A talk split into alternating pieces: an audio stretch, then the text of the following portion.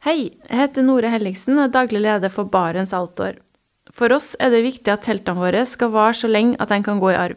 Den viktigste forutsetninga for å klare det, er dem som jobber hos oss, som har konstruert, sydd og reparert telt her på Melhus i over 40 år.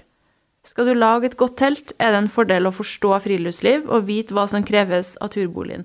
Men det viktigste av alt er kunnskapen om hvordan det må lages for å kunne gjøre den jobben. Da er det solid kunnskap om søm, tekstiler og konstruksjon som gjelder. Da kan vi lage funksjonelle produkter i de beste materialene, som er forsterka på de riktige stedene og tåler langvarig og røff bruk. Samtidig som de er enkle å reparere når skadene oppstår, for ting skjer på tur. I Barents ønsker vi å ta ansvar for produktene lenge etter vi har solgt dem. Derfor er serviceavdelinga selve hjertet i bedriften vår. De som jobber her, har en helt unik erfaring som vi også bruker når vi utvikler nye teltmodeller. Les gjerne mer om både oss og teltene våre på barentsoutdoor.no.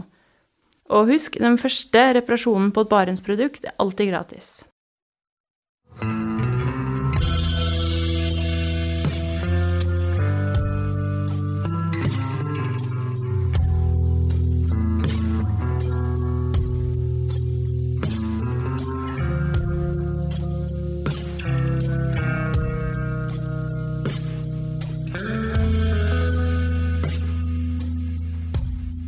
Hei og velkommen til podkasten Uteliv. Mitt navn er Randulf Valle. Dagens gjest er Vegard Ulvang. Hjertelig velkommen. Takk for det. Mm.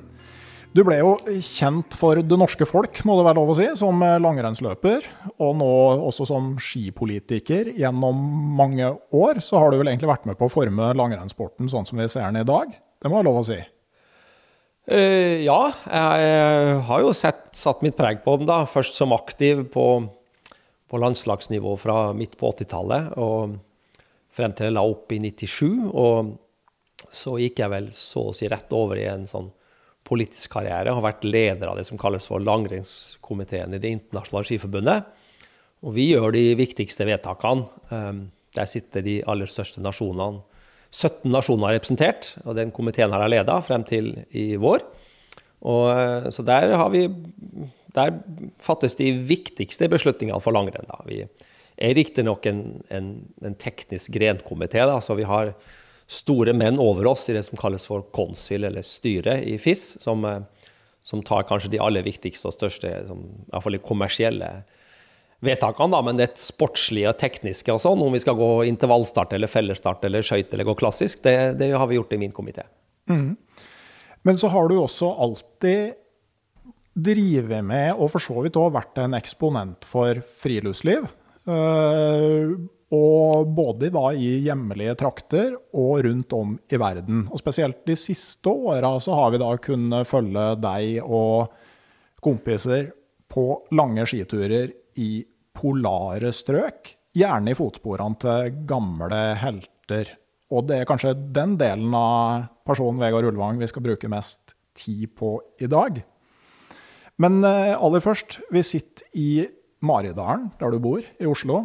En sprakende høstdag. Veldig flott. Eh, og eh, da passer det jo godt til eh, det faste første spørsmålet. Har du hatt en fin tur eller naturopplevelse nå i det aller siste? Um, ja, det har jeg jo stadig vekk. Um, jeg var på løpetur med, med kona i, fra huset her i går. det er det mm. aller nærmeste. Eller så kom jeg fra nordfra. Um, fra Finnmark, eh, Kirkenes, Munkefjord, der jeg har hytta mi. som har vært litt under sånn eh, ombygging, påbygging. Eh, og, og, ja, og rypejakt, tradisjonelle høstlige rypejakta, eh, bare for noen få uker siden. Så jeg er jo Jeg vil jo si at jeg er forholdsvis mye på tur. Jeg er det. Mm, både i det store og det små? Ja. Mm. Men uh, som sagt, det er jo som langrennsløper du blei uh, kjent. Og uh, jeg kikka over statistikken eller profilen din på Wikipedia. Og det må jo være lov å si at du har hatt en ganske solid langrennskarriere. To individuelle OL-gull, medaljer i tre forskjellige OL. Og litt ettersom hvordan man regner det, tror jeg to eller tre seier i femmila i Kollen? Uh, ja, det er jo det riktige, alt det der. Jeg kan ikke løpe fra det.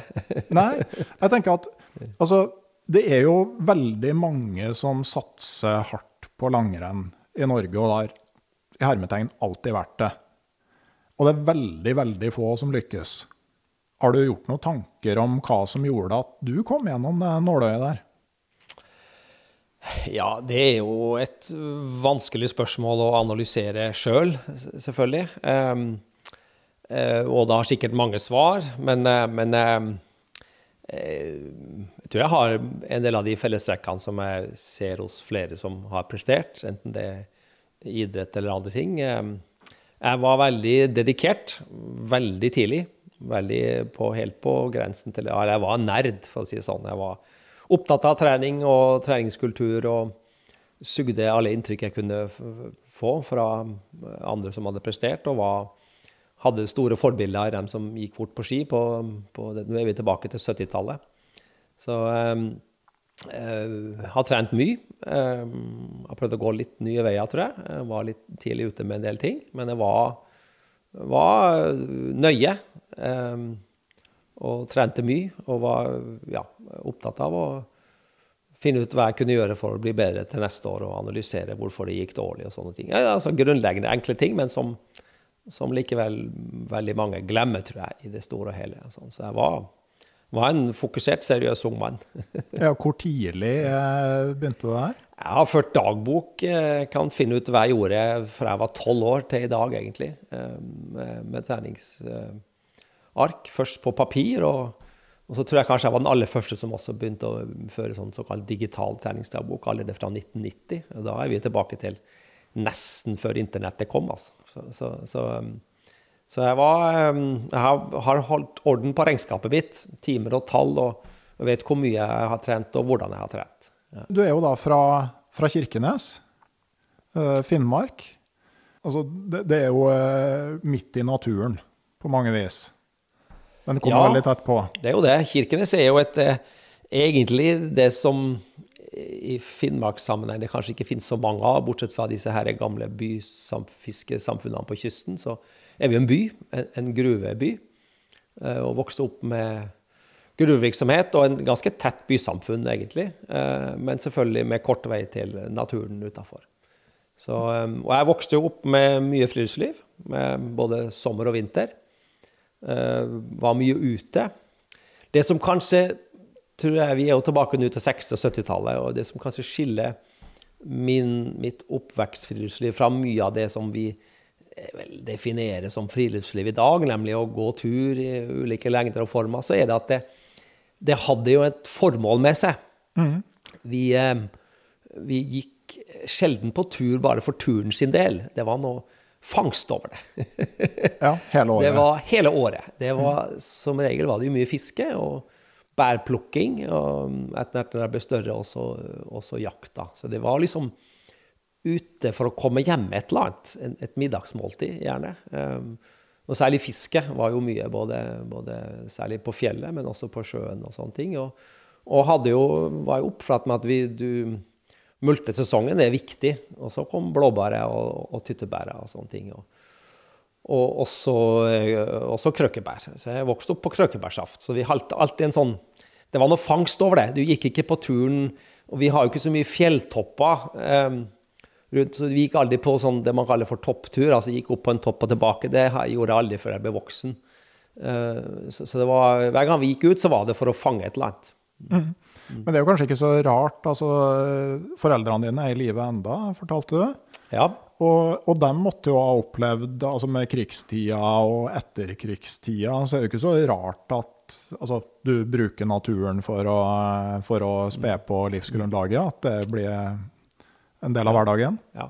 Nei, det er helt riktig. Jeg er jo født i, i 63, og det og krigen var jo noe man aldri snakka om og aldri hørte om. Det var jo noe som var fjernt tilbake i tid. Men det er jo det var jo under 20 år før jeg ble født. og hvis jeg går 20 år tilbake nå, så er det jo nesten ting som det var i går.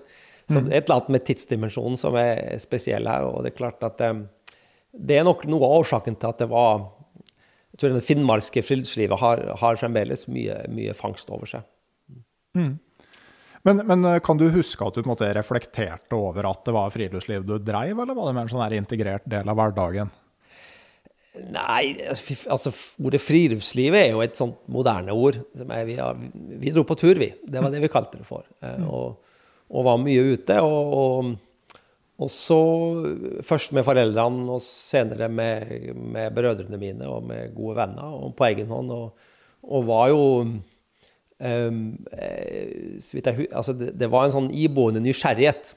Det at du gikk litt lengre inn for hver gang. og og var jo vært en, også en litt sånn nerd på kart. altså sånn Det der å planlegge tur og, og den nysgjerrigheten på hvordan det ser ut på sånne punkt på kartet som er, der du ikke har vært før, den har vært der fra jeg var liten av og til vi begynte å gjøre egne turer med, først med telt og fiskestang, og senere med, med, med, med kajakker og sånn. Og, og vidda er stor, og det, fremdeles er det ting å utforske der som ikke jeg har vært på ennå, som jeg stadig tar frem kartet og ser her, her burde jeg jo egentlig vært. Ja. For er det riktig å si at altså, du og brødrene dine liksom At Finnmark åpna seg for dere, at dere utforska stadig større områder, bl.a. det med padling? At uh, man liksom tar utgangspunkt i hjemmeområdet, og så, uh, så utvider det seg gradvis? Ja, det starta jo med, med, med, fisketurer. Først med dagsturer, og senere med telt og sovepose over flere dager. Men um, den store hva skal vi si, kartlegginga av Finnmark, og, og, etter hvert også på 90-tallet utover på Kolahalvøya, den skjedde når bror min gikk eh, på idrettshøyskolen og meldte seg på et kurs i elvepadling. Og så gikk han innom en butikk og kjøpte fire kajakker og satt på taket og kjørte hjem. Og, og da starta en sånn der eh, Da er vi tilbake til 1987. Og da starta en sånn eh, interesse som var, som var enda, nemlig det å å dra på tur med kajakk. Og, og, der er det en, en våt frekk på kartet. Der, der har vi vært, egentlig. Eh, så vi har padla alle de padlebare elvene i Finnmark. gjorde vi i det ti, tiåret etter 87, ut på 90-tallet. Så var det én og to sånne ukesturer hver sommer. Eh, um, og når grensa Og det var jo veldig spennende når jernteppet falt i tidlig 90-tall, og vi kunne kjøre bil over til Murmansk, så dro vi til Kodehalvøya og padla de fleste elvene som renner nordover derifra. Det var, det var en eh, spennende periode, og det er minner som jeg, jeg lever godt på. Ja. Eh, jeg tenker jo sånn Anárjohka-området er vel sånn eh, Der er det jo elver i alle retninger. Men sånn som ute på Varangerhalvøya, har dere padla de elvene? Altså sånn type Komag og Sandfjord og de elvene der? Nei, eh, de er vel ikke veldig padlebare heller, annet enn i vårflommen. Um, og så er det litt logistikk ved det. Så eh, Varangerhalvøya på sommeren var jeg faktisk første gang i fjor. Oh, ja. Ved at vi eh, gikk, ifra, gikk på fotene fra Hanningberg opp Sandfjorddalen og kom ned Komagelva. Så det var, det var, egentlig første gang jeg så det indre av Varangerhalvøya på sommeren. Jeg har vært der på vinteren, men ikke på sommeren. og og mor mi er jo født i Vadsø, så hun har jo, har jo, vært der mye. og sånn, Så vi har vært der, men ikke på sånne Ikke kryssa, egentlig. Det var, og det var, en, det var egentlig en stor opplevelse. Um, så nei, eh, de elvene der, da må du liksom også få frakta båter opp på vinteren og hente dem om sommeren og sånn. Og så er de ikke de er ikke veldig padlebare, egentlig. Sånn. Og så er, de veldig fort gjort, egentlig. Sånn. Så, det, mm. så nei, Indre Finnmark er jo mer spennende. Da vi padla, du nevnte Anarjokka, så, så, kjørte vi jo bil til eh, langt inn i Finland, Ennontekki, og, og fant en grusvei på kartet og padla motstrøms på finsk side. Um, um, og så kryssa vi da inn i, og kom inn i helt syd i Anarjokka nasjonalpark, der hvor Finnmark gjør en sånn buk. Eh, på eh, Selvfølgelig helt ulovlig grensekryssing. Dem har vi mange av. Eh, ofte fra Finland inn i Norge. Og så kom padla vi helt ned til Karasjok. En sånn fantastisk tur. En de, egentlig en av de første lange padleturene vi gjorde. en stor opplevelse. Mm. Ja, det, det jo, jeg har hørt rykter om at eh, sånn, eh, på, på, våren så kan det være godt å bunkre opp litt mil med skøyteski på Skaren. Og at eh, det ble observert noen skøytespor som gikk mistenkelig langt inn i Finland da òg? Ja, jøss. Yes, her har du Hvordan i all verden har du fått greie på det? Men, men uh, ja.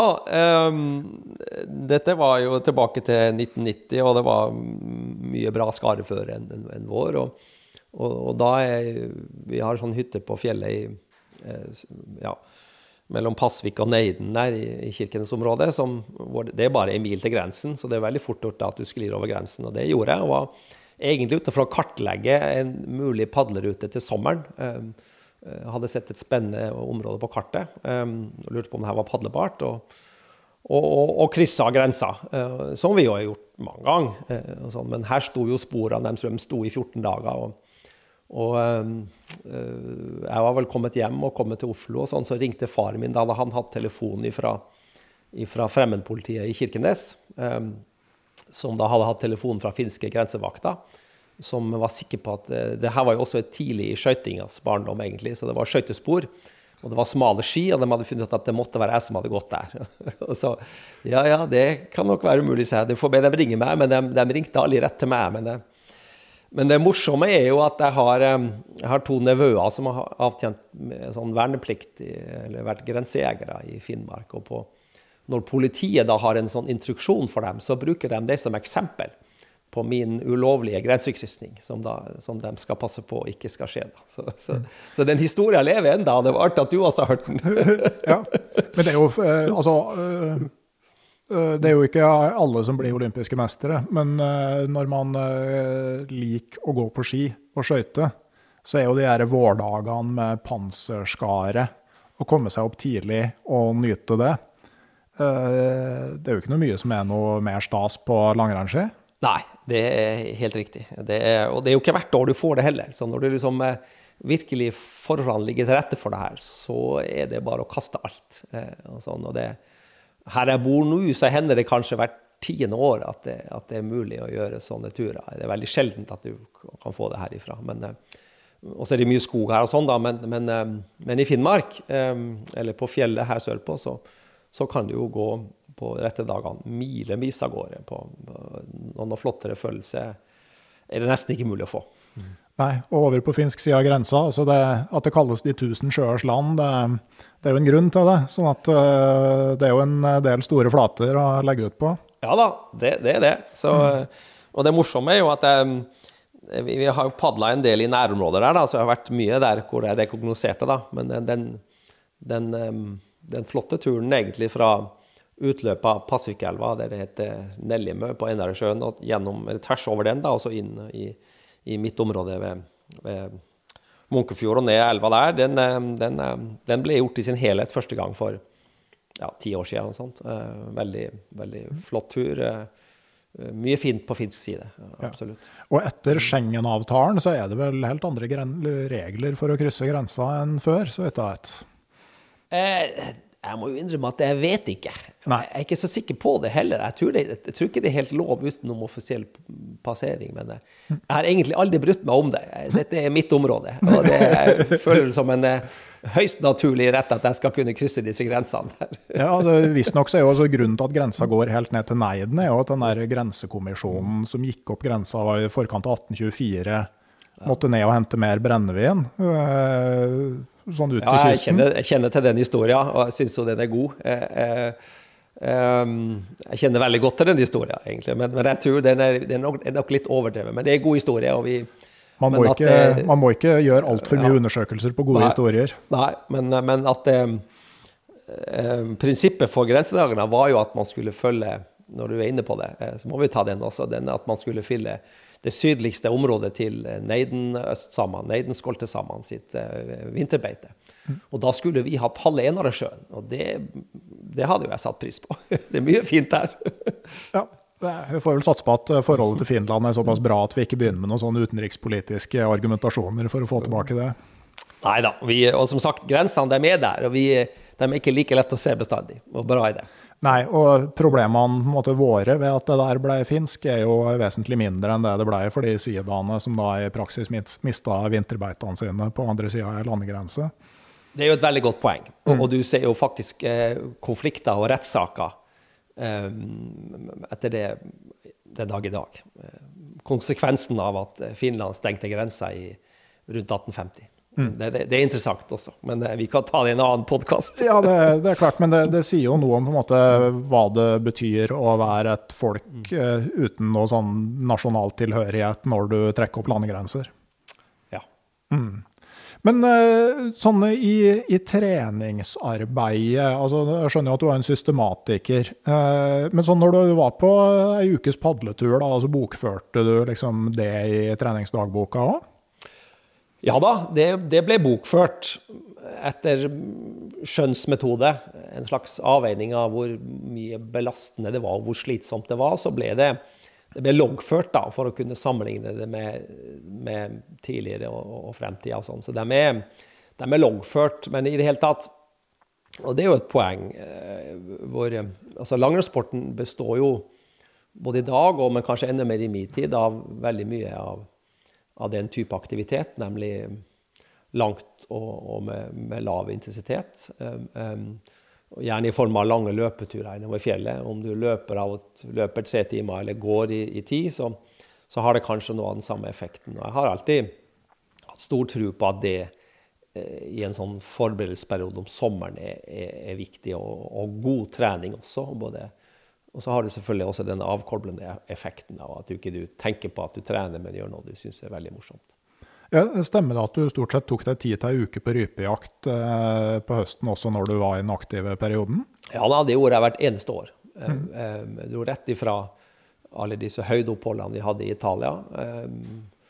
Kom hjem rundt 20.9. og var ei, ja, kanskje ikke ei uke, men fem dager på, um, med tung sekk og med mange timer rypejakt. Og, og, det interessante er jo at alle mine beste sånne fysiske mål, altså i form av oksygenopptak og andre sånne testløyper jeg hadde, dem, alle de persene satt jeg jo etter den rypejakta. Så det var så jeg vel dokumentert at det var veldig bra for kroppen min, i hvert fall.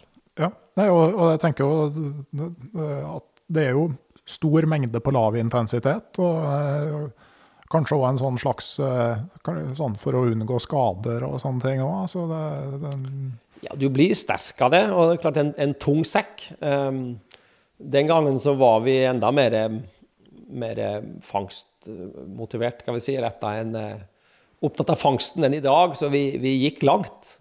Og vi hadde med lavvo og, og bodde ute. og gikk dit hvor rypene var, for å si det sånn. Og det, det, ofte er det langt, og der er du alene, og sånn, men da har du også terrenget for deg sjøl. og da ble, skal du bære både skudd inn, og du skal bære ganske mange ryper tilbake. Så det var, det var, det var god, eh, maksimal styrketrening òg. Mm. Men uh, husker du liksom når du forsto at du kunne gjøre langrenn til jobb? Det var en gradvis utvikling. Jeg hadde fremgang.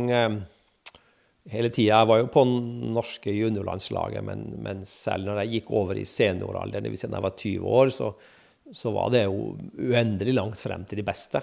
Men, eh, så jeg starta jo med å kombinere med studier her i Oslo. Og, og hadde jo en drøm og et mål om å bli blant de beste, men det var ganske fjernt de første, første år eller to.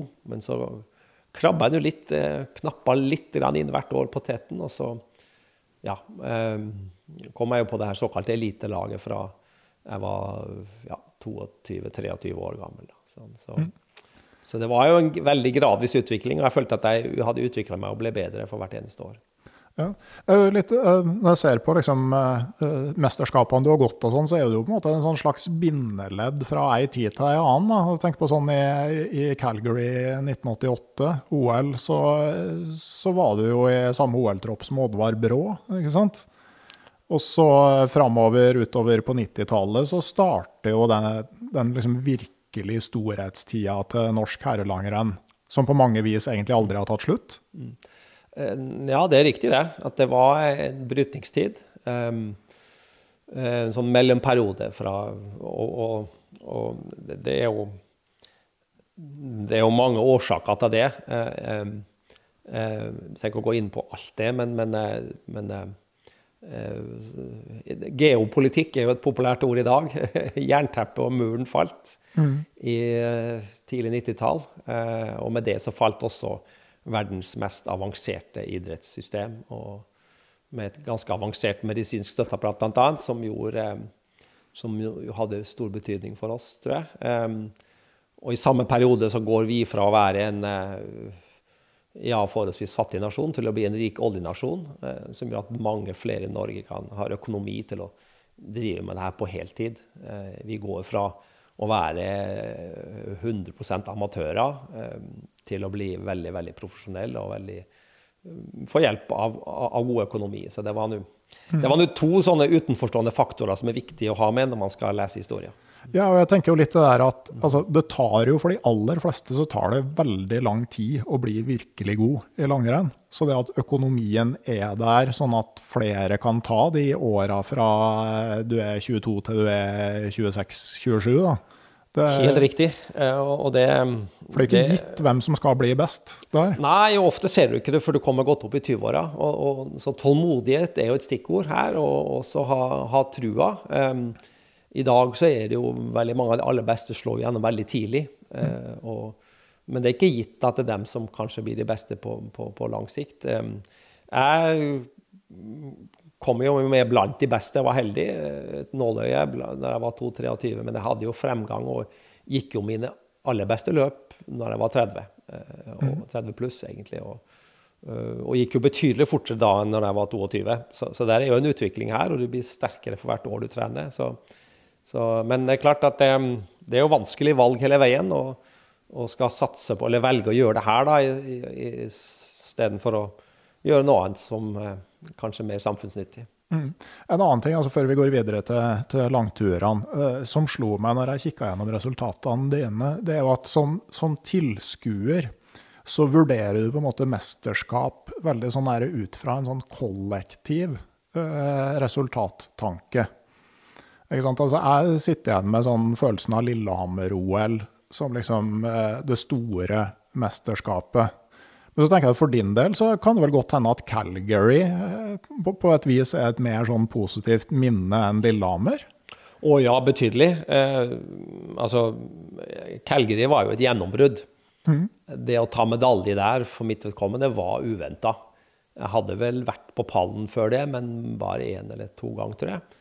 Eh, så jeg var jo to ganger, tror jeg. Eh, så det å ta medalje i mesterskap, slått av to russere i 88, det var, det var et gjennombrudd. Definitivt. Uh, det var det. Og, og, har veldig sterke minner fra den tremila der borte. Det har jeg. Seinere så ble det jo Når jeg stilte til start i, i 92, så, så, var jeg jo favoritt. Mm. egentlig, Og visste at jeg kunne vinne på en, på en god dag, men alt skulle jo også stemme. Så, så um, og, og 94 var jo en, eh, en, nedtur, egentlig, for mitt vedkommende. Vi, vi, tok sølv på stafetten, men ellers så hadde jeg jo ingen individuelle medaljer for første gang da siden, siden egentlig 88. ja. Mm. mm. Ja, og det er jo for en, eh, for en tilskuer så er det liksom fort gjort å glemme. For at du, du blir liksom blenda av, helheten. At det liksom, det, ja. Den individuelle utøveren trenger ikke å ha hatt et fantastisk mesterskap av den grunn. Nei da, men vi, vi, var et lag, og det var jo Sånn også sett i ertetid så er jo det å få vært med på den her snuoperasjonen hvor vi var på på 80-tallet, når jeg slo igjennom, så var vi jo nederlagsdømt, og vi var kua av svenskene. Det var Svan og Vassberg og Mogren og deres lagkamerater som slo oss stort sett helg etter helg. Og vi var henvist til det hendte vi krabba opp på pallen, men svenskene slo oss som regel i de mye. Og så snudde det her i 90-91, hvor vi begynte å vinne skirenn og vinne stafetta, ikke minst, som var jo en eh, det var, det var, Å være med, på den snuoperasjonen der, det var, det var, morsomt. Det var mm. stort. Men eh, sånn med idrettspolitikeren i det, og jeg tenker altså i forkant av Lillehammer-OL, du skulle jo være den som tok den olympiske eden. Eh, og så gikk du ganske hardt ut mot Samaranch i forkant. Eh, er det noe som liksom har tatt energi, sånn når du ser tilbake på det i retrospekt? Nei, jeg tror ikke det. Eh, det tror jeg ikke. Jeg skal for aller ikke skylde på det. det var, men, men, det blei jo et forferdelig bråk? Det var et bråk, ja.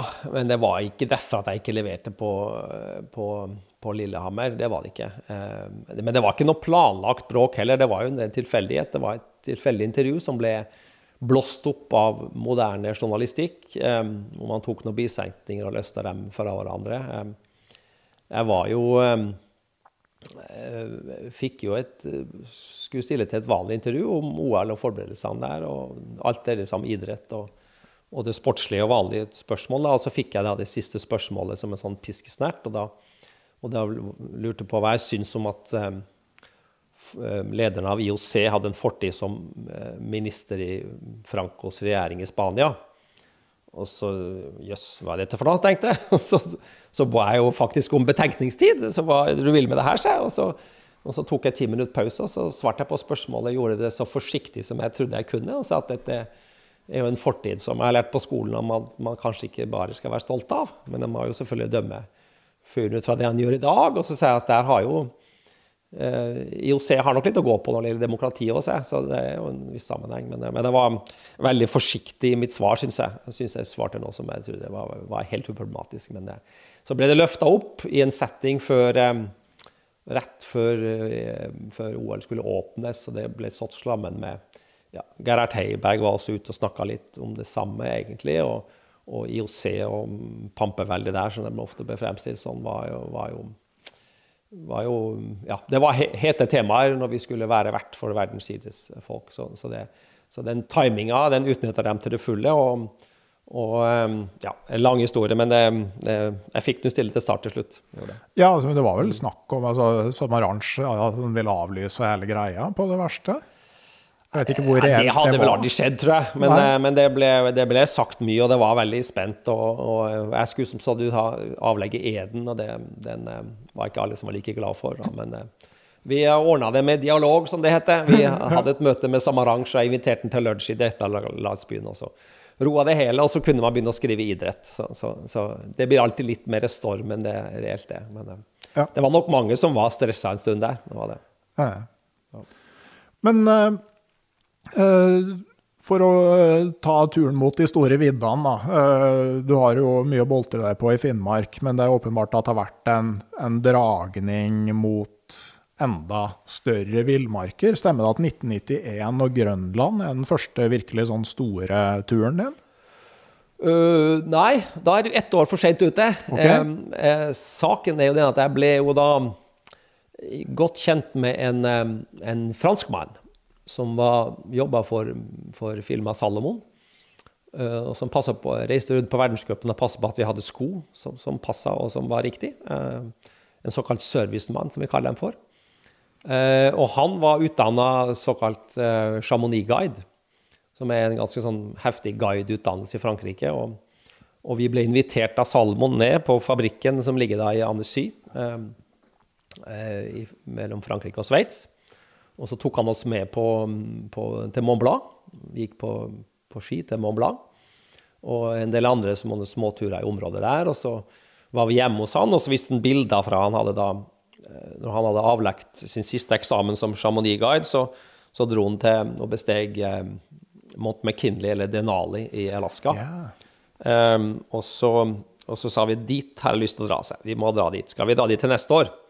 Og dette her var da i 89, så vi dro til, til Mount McKinley, eller Alaska, i, jeg og han og broren min, eh, i våren 1990. og, og og gjorde da en, det som kalles for en travers av, av Mont McKinley. Vi gikk opp på den vanlige veien opp på nordsida, så gikk vi ned et vanvittig brefall på andre sida og ut på og ble henta av et sjøfly ute i, ut i Banff National Park. Det var en, vi var ute i vel tre uker. Det var en min definert lengste tur noensinne, og også veldig heftig. Eh, vi stolte jo helt og holdt på hans klatrekunnskaper. Um, det var å bevege seg på isbre. Det hadde jeg aldri gjort før. Og ja, normalveien opp der er jo mye sånn delvis faste tau og sånn, men, men luftig og, og, ikke minst veldig tynn luft. Fysisk anstrengende. Men, men, det å bære med seg mat for noen uker over, nesten over toppen, det var tungt. Og, ikke minst så var det den største delen av turen der var jo ned på nordsida, hvor vi var helt alene. Eh, veldig få som går opp på nordsida. Eh, og vi gikk ned der, et eh, spektakulært brefall. Og, og, og, ut en bre med store sprekker og gikk i tau.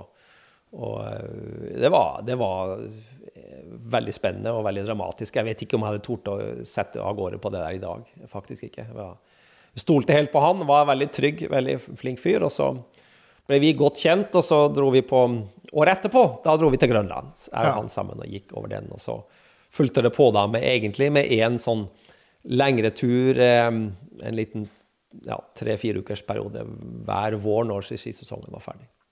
Ja, jeg noterer Jeg husker jo jeg leste om den grønlandsturen i bladet Skisport på den tida her.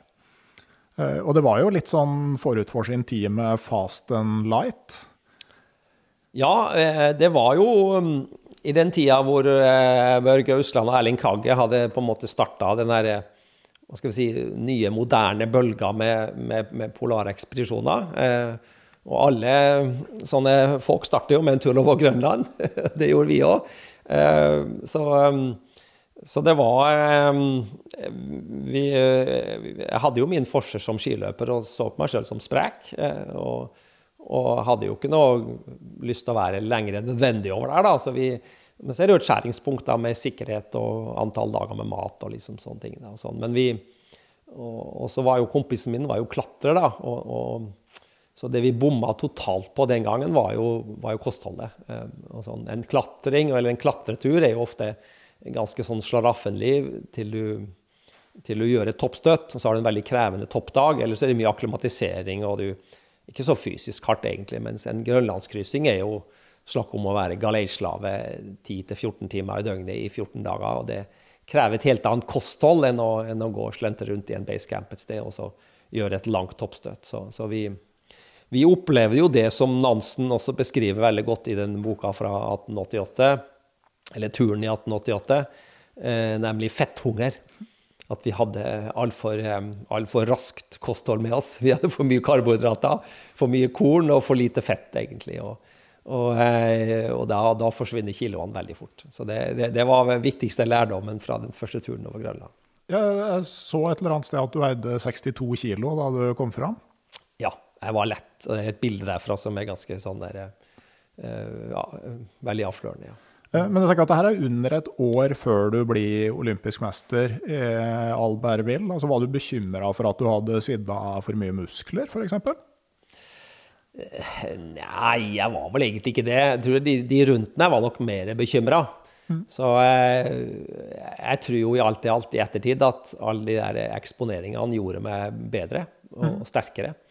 Jeg tror det. Um, men jeg husker at jeg ble tatt noen blodprøver av da eh, jeg kom hjem. Og han, landslagslegen var jo alvorlig bekymra, for jeg hadde jo faktisk sånn høye leververdier. Ja. Eh, det som skjer, er jo at du, når du har brukt opp alt fettet du har, og alle glykogenet du har, så, så, begynner du å ete på energien i levra. Og da får du høye leververdier. Så jeg hadde leverskade. Men som han sa, ja, levra er det mest reproduktive organet du har i kroppen, så den tar seg fort igjen. sa han. En måneds tid så er du klar igjen. sa så. Mm. så han. Eh, så, så, men, eh, og vi, vi målte også testosteronverdiene når vi kom tilbake der. De var jo på, på damenivå og vel så det. Mm. Og sånn, men så målte vi dem på nytt igjen da, etter vel en måned, og da var de jo omtrent så høye at de ville blitt tatt i doping.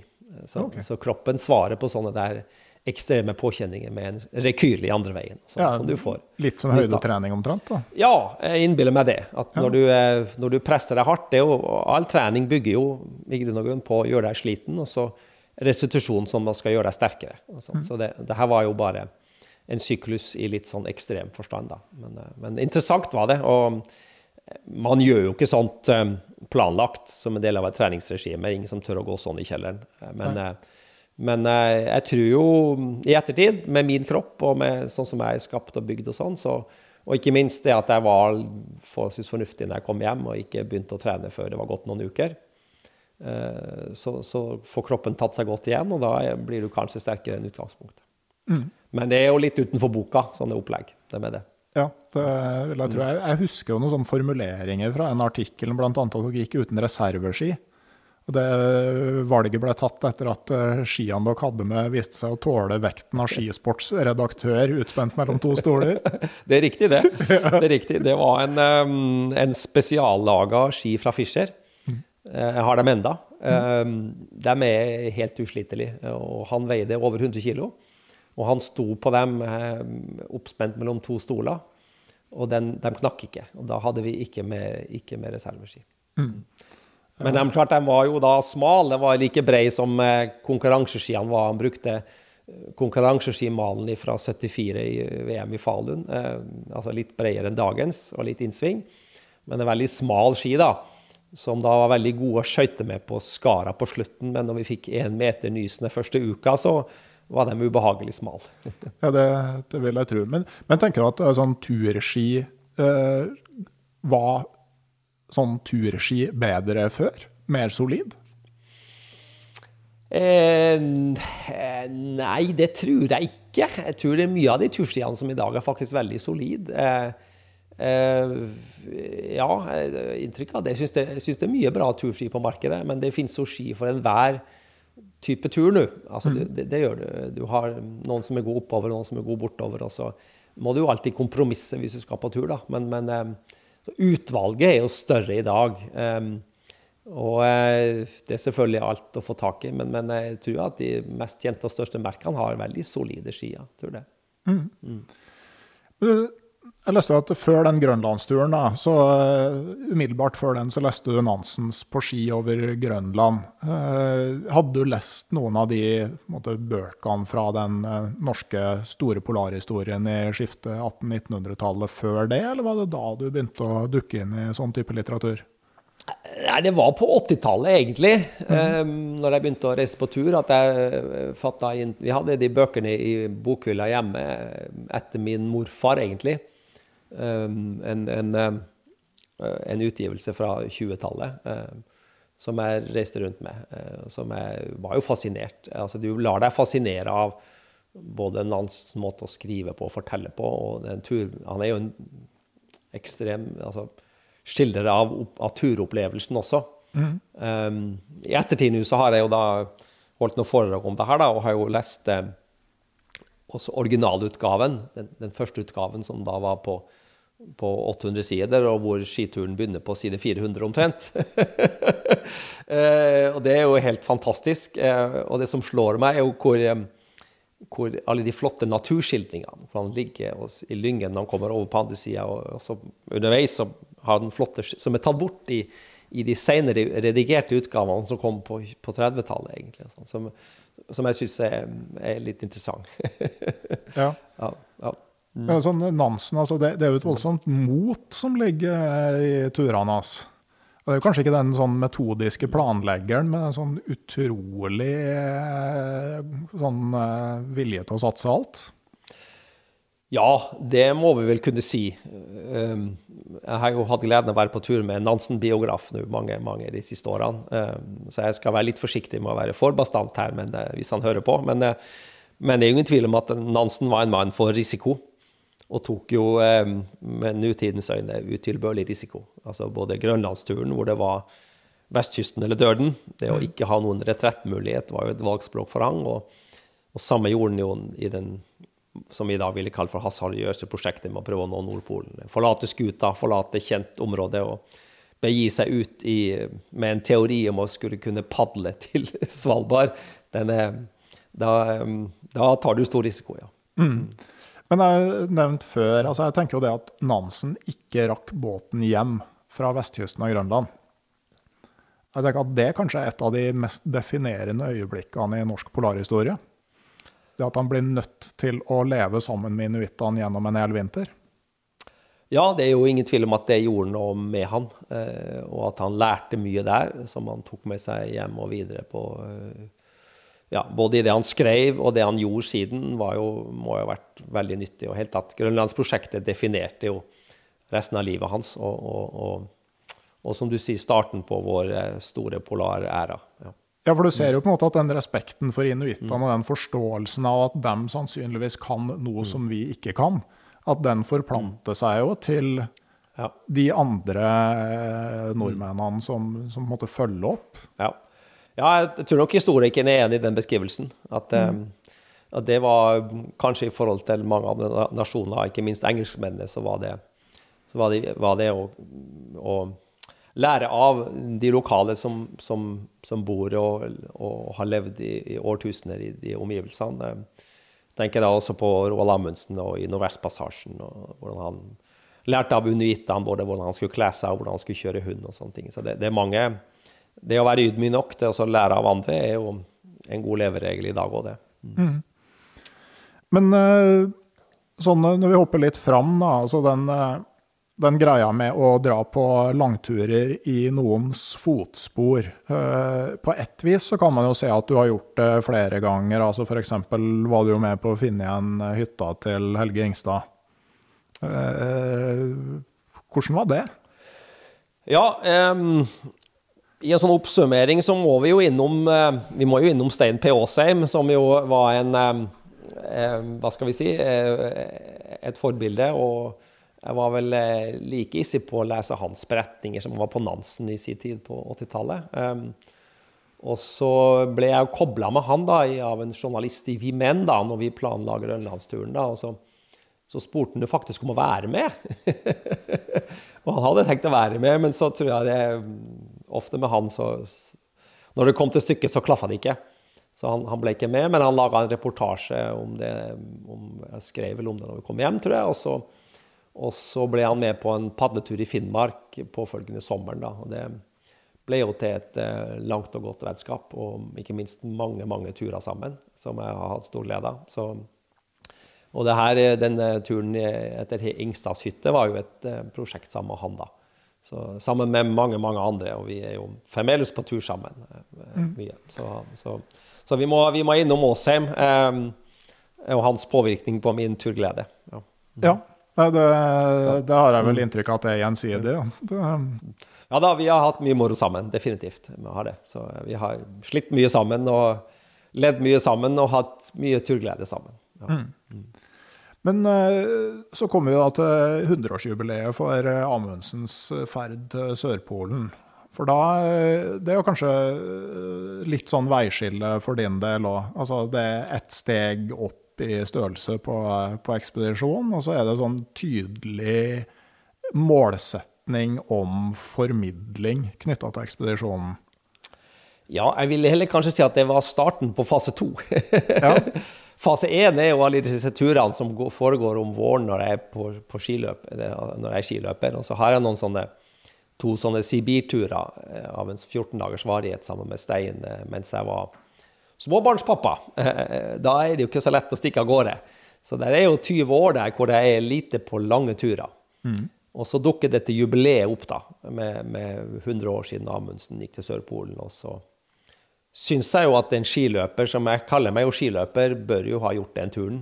Så det, det var liksom et prosjekt som jeg falt for med en gang. da, Og så, og så um, måtte man jo ha uh, stable på beina et lag, da. Og der kom ja, Polarinstituttet i bildet, og Stein. og og, um, og, historiker Gjølle. da, og sånn. Så der begynner hva skal vi si, uh, fase to, når uh, barna er litt eldre og du kan igjen begynne å dra på lengre turer. Den, den starta i i 2011. ja. Og, eh, og, det er jo litt sånn eh, For å trekke linjene 100 år tilbake, så var jo For det første så var jo kan man jo si at det norske polareventyret seint på 1800-tallet det hang jo òg sammen med en sånn slags renessanse for skisporten. At, uh, at byfolket begynte å gå på ski og liksom gjøre det til en kultur. Og, og Amundsen hadde jo med en langrennsløper til Sørpolen. Ja. Um, Olaf Bjåland. Mm. Eh, det er kvitt og flatt omtrent som på Morgedalskjønni, sa han vel om, eh, i dagboka si om, om Sørpolen. Så, eh, og han gikk jo vel faktisk først på ski borte mot hele turen, mens mange hadde satt på sleden bak. Så, så nei, altså ski i polare strøk er jo ehm, Selv om jeg tror kanskje mange his, historikere ville si at det er en del av den derre myten om de, om de norske polarjentene som vi har likt å dyrke. For det er liksom landet som kunne gå på ski. Jeg tror kanskje det er riktigere å si at bikkjene var viktigere enn skiene for mange av de her, de her prosjektene som ble gjort på den tida. Eh, men, men la nå det ligge. Eh, men, men, eh, det er ikke noe tvil om det at det å, det å reise på tur med Harald Dag Gjølle, da, som er polarhistoriker, og, og det å kunne jeg pleier å si henge turen på en knagg. eh, um, gir den en ekstra dimensjon. Eh, eller et eh, Hvis jeg skal kanskje være litt Gir den litt sånn altså Turgleden og prosjektet er jo kanskje for meg alltid det aller viktigste. Sånn. Men skal du kunne rettferdiggjøre det både hjemme og for utenomverdenen, sånn, så må du henge det på en slags knagg, jeg må si det. Men, eh, men det er klart, det å, eh, det å, vite at folk har vært der før oss, og, og prøve å sette seg inn i den situasjonen, selv om alt er forandra og sånn, så er naturen er den samme. Altså, vi gikk opp Amundsen isfall. Eh, oppå, og der er det ikke mange som har vært siden, for, for, siden Amundsen. Altså. Og det breen og sprekkene er omtrent på nøyaktig samme sted som for 100 år siden. Det, det gjør noe med opplevelsen. Ja, det gjør kan, du, kan du tenke om dem som skulle opp og ned der med hundeslede? Nei, altså du blir jo bare, bare imponert på alle mulige måter øh, øh, over alt det pågangsmotet de hadde. Og, bare det å forlate Oslo med båt med, med mat for fem år og, og si at vi tar en avstikker til Sørpolen før vi skal til Nordpolen, og sånne ting, er jo ting som vi ikke kan sette oss inn i i dag. Tidsaspektet, tida. Eh, alt som var ukjent. Altså, de, de ante jo ikke altså, Han visste jo om Sydpolplatået, det hadde Sjekkelten funnet ut, at det var et platå der. Og, og sånn, men at det var en vei opp gjennom fjellene der, det visste de ikke. Og, hva som var på toppen av isfallet, det visste de heller ikke. Og, og sånn og det er klart, De kunne jo fort havna i en sprekk. Det er veldig sprekkfullt oppfor der. Selv om de er store og synlige, så, så uh, de tok risiko, uh, og det kunne fort gått gærent. Det er ingen tvil om. Altså, sånn. Men nå vet vi jo mye mer om sånt i dag, så derfor blir vi ekstra påpasselige og redde og har hjelpemidler og satellittbilder og, og sånne ting. Så, så, men eh, pågangsmotet og, og, og, bare tenk på alle de bikkjene som skulle ha mat hver dag, og de skulle varme vann og smelte, og med datidens utstyr og telt og sånn. Det, det, det du blir imponert, kort og godt. du gjør det. Og, og den fremdrifta de hadde, det, det, gikk jo unna med dem. Altså. De var, ja, var det tre dager per breddegrad? Var det som var... Ja, ja. Det, vi, vi, det, gikk fort unna. Altså. Det, gikk unna, og de, og de, gikk rett på målet og, og navigerte med, med, kompass og sekstant. Og, og, vi bare trykker på en litt, bitte liten GPS-dings, og så vet vi hvor vi er, og vi har retninger og sånn. Så det, Eh, ja, nei, det, det, er en annen det var, Den var skrudd sammen av noe annet enn vi var. altså. Det, det nytter ikke å sammenligne det. Nei. Mm. Men eh, dere hadde jo en ganske sånn tydelig deadline for når dere måtte være på, på Sydpolen, i og med at Polarinstituttets direktør helst bør være til stede på 100-årsmarkeringa. Altså, hvordan, hvordan påvirker en sånn frist en sånn tur? ja, det kom jo til å prege turen. Det gjorde det. Eh, vi, det var jo ikke bare å komme seg til startpunktet, det var jo kanskje det vanskeligste med hele turen. Å komme til Valbukta eh, med, med flylogistikk og det å åpne hele denne Sydpol-greia nesten en måned før de vanligvis gjør.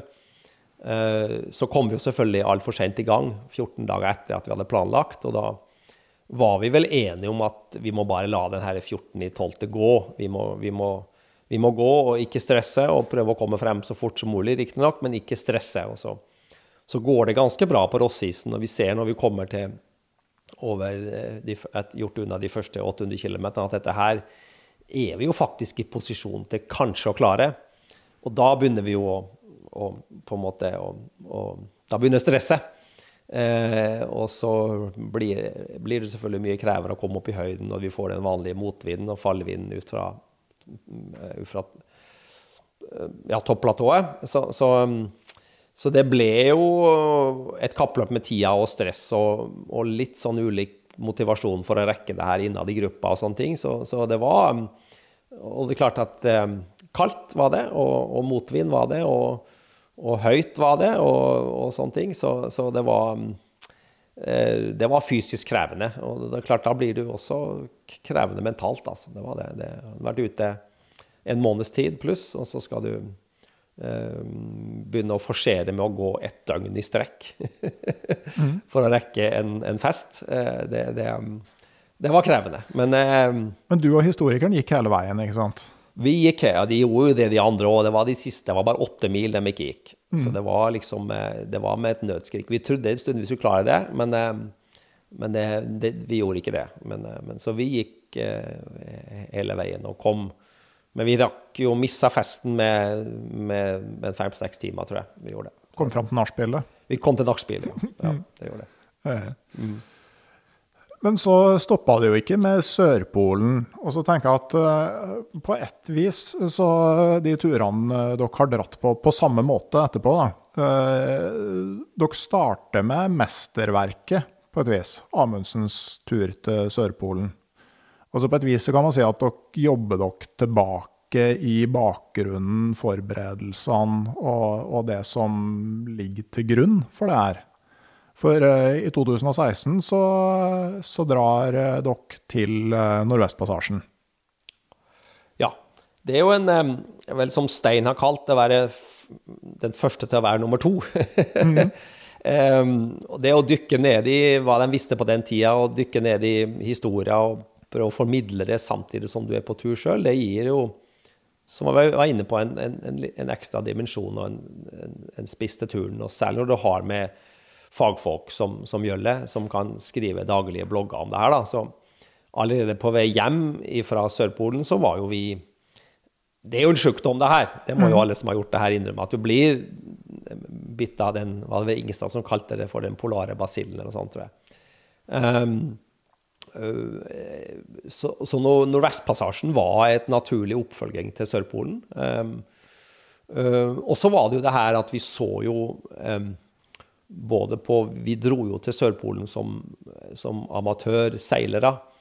Um, og eksperimenterte og lærte mye underveis der. Um, kanskje spesielt jeg og Jølle. Og så dro vi hjem, og så øvde vi mer på denne her seilinga og dro på en tur fra øst til vest, eller vest til øst i Finnmark. Um, og kjøpte noen nye seilstørrelser og så jo at her, her er det jo faktisk mulig å tilbakelegge enorme avstander på veldig kort tid. Um, og så fant vi ei kyststrekning opp i Nordvestpassasjen hvor um, det var masse norske navn fra 1800-tallet. Um, som endte opp da med, med, en liten odde som heter Nansens odde, midt oppi det intet der. og en, Dit ville gjølle. så vi forsøkte å nå den her Nansen, Nansen-odden på uh, langt opp i Nordvestpassasjen, før vi da skulle krysse den tilbake da, til mot Gjøahavn, der Amundsen lå i, lå i, Så det var et spennende prosjekt. og vi, og vi dro den gangen også da ikke med, med langrennsski, med, med turski, men med alpinski. Fordi vi så på, begynte å studere vindstatistikker. Mm. Eh, og, og, og, og, det gikk ganske bra, bortsett fra når vi skulle krysse eh, eh, stredet eh, der mellom Eh, ja, hva heter det? Jeg har et dårlig hode, men eh. Ja, Mellom der eh, Cambridge Bay ligger og ja, King William ja, Island? Riktig, ja, riktig. Der var det mye drivis som presses inn hver høst. Mm. Det er åpent vann der om sommeren, og så presses isen inn der i løpet av høsten og vinteren. Og så blir det veldig buklete og ikke egnet for verken å gå eller, eller, å seile. Og der sleit vi. Vi valgte nok sikkert også litt for mye nordlig rute. Gikk for mye, litt for mye rett på.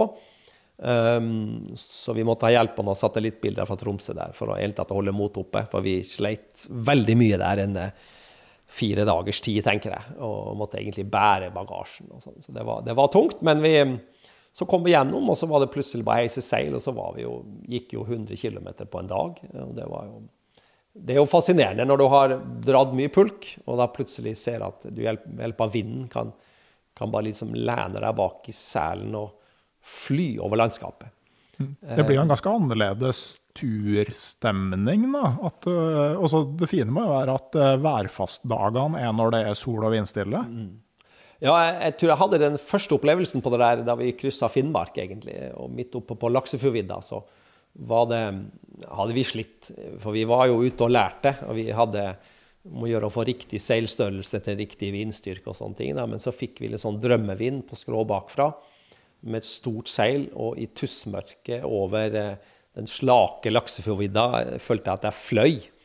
Eh, og når du da har det her galeislave-opplevelsen fra tidligere, at dette her er jo egentlig veldig fysisk slit, så plutselig så var det nesten som at du fløy. Og det, det, er, det er, fascinerende. Samtidig så er det jo en annen måte og en annen spenning ved å reise på sånn type tur, fordi du opplever at du Hvis du ikke har vind, så sitter du der. Og da kommer du ingen vei.